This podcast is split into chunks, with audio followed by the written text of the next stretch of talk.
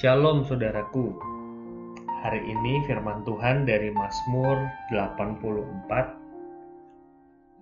ayat 2 sampai 3 ayat 6 dan 11. Betapa disenangi tempat kediamanmu, ya Tuhan semesta alam.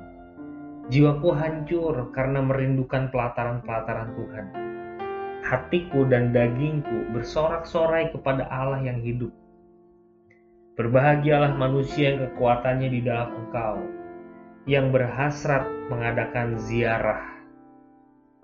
Sebab lebih baik satu hari di pelataranmu daripada seribu hari di tempat lain. Lebih baik berdiri di ambang pintu rumah Allahku daripada diam di kemah-kemah orang fasik.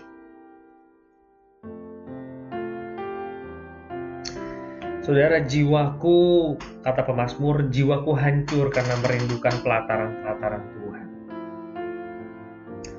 Renungan hari ini agaknya mirip dengan renungan yang kemarin kita dengarkan recordingnya dari saya juga. Saudara, apakah kita memiliki kerinduan kepada Tuhan? Apakah kita panik ketika Tuhan tak bisa diakses seperti tatkala kita kehilangan wifi atau paket data kita habis. Saudara, apa yang bikin hati kita hancur? Apa yang paling kita nantikan atau kita rindukan? Apakah momen saat teduh dinantikan? Ataukah kita selalu berpikir kapan kelar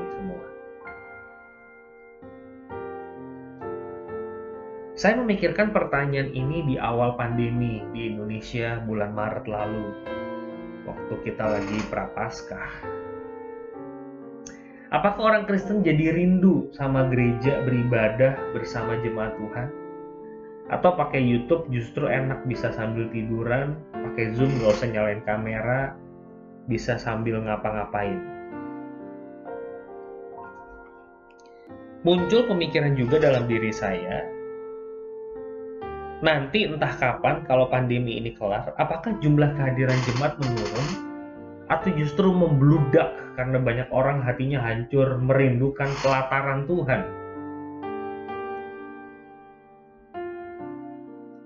Apa pendapat Bapak Ibu?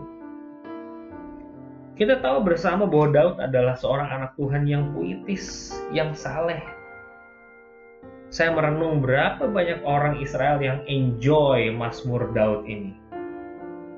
Berapa banyak orang Israel yang mengaminkan perkataan-perkataan Daud.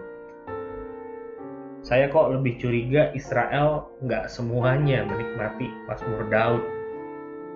Nggak semua jemaat gereja menikmati membaca Alkitab atau membaca Mazmur.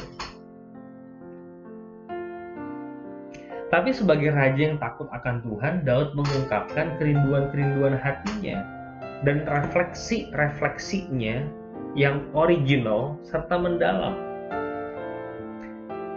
Dia menggunakan gambaran lebih baik di pelataranmu daripada diam di kemah orang fasik. Coba saudara bayangkan, lebih baik di pelataran ambang pintu rumah di depan di teras daripada diam di dalam kemah orang fasik.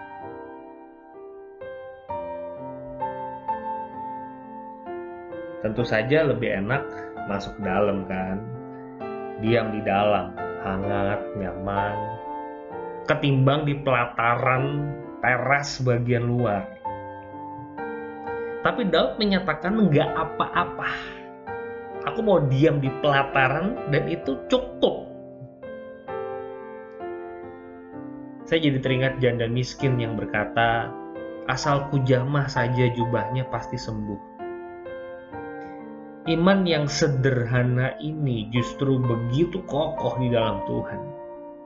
Gak perlu muluk-muluk seperti Naaman yang berharap Nabi menaruh tangannya di atas tubuhnya yang kena kusta dan baca kalimat-kalimat mantra. Bagi Daud, nggak perlulah sampai masuk ke rumahnya di pelatarannya aja udah jauh lebih dari cukup. Saudara dua hal yang saya pelajari, yang pertama kedekatan Daud, yang kedua adalah iman itu nggak perlu mewah-mewah, sederhana aja cukup. Ada para teolog yang saking brilian mampu mengartikulasikan imannya dengan rumit dalam seri buku teologi yang tebal-tebal dan berjilid-jilid. Tapi ada juga encim-encim ibu-ibu sederhana yang hanya mampu, hanya tanda petik, mengekspresikan imannya dengan sederhana. Ia tidak mampu menulis buku tebal, tapi ia menjaga hidupnya kudus dan saleh dan tetap berdoa meskipun pandemi COVID-19 menghalanginya ibadah ke gereja. Ia nggak punya mobile banking, tapi ia tetap memberikan persembahan secara cash, dititip di satpam gereja. Ia tidak fasih teknologi, tapi imannya tetap terlihat di tengah pandemi. Sesederhana apa iman kita? Yesus bilang iman sebiji sesawi saja mampu memindahkan gunung.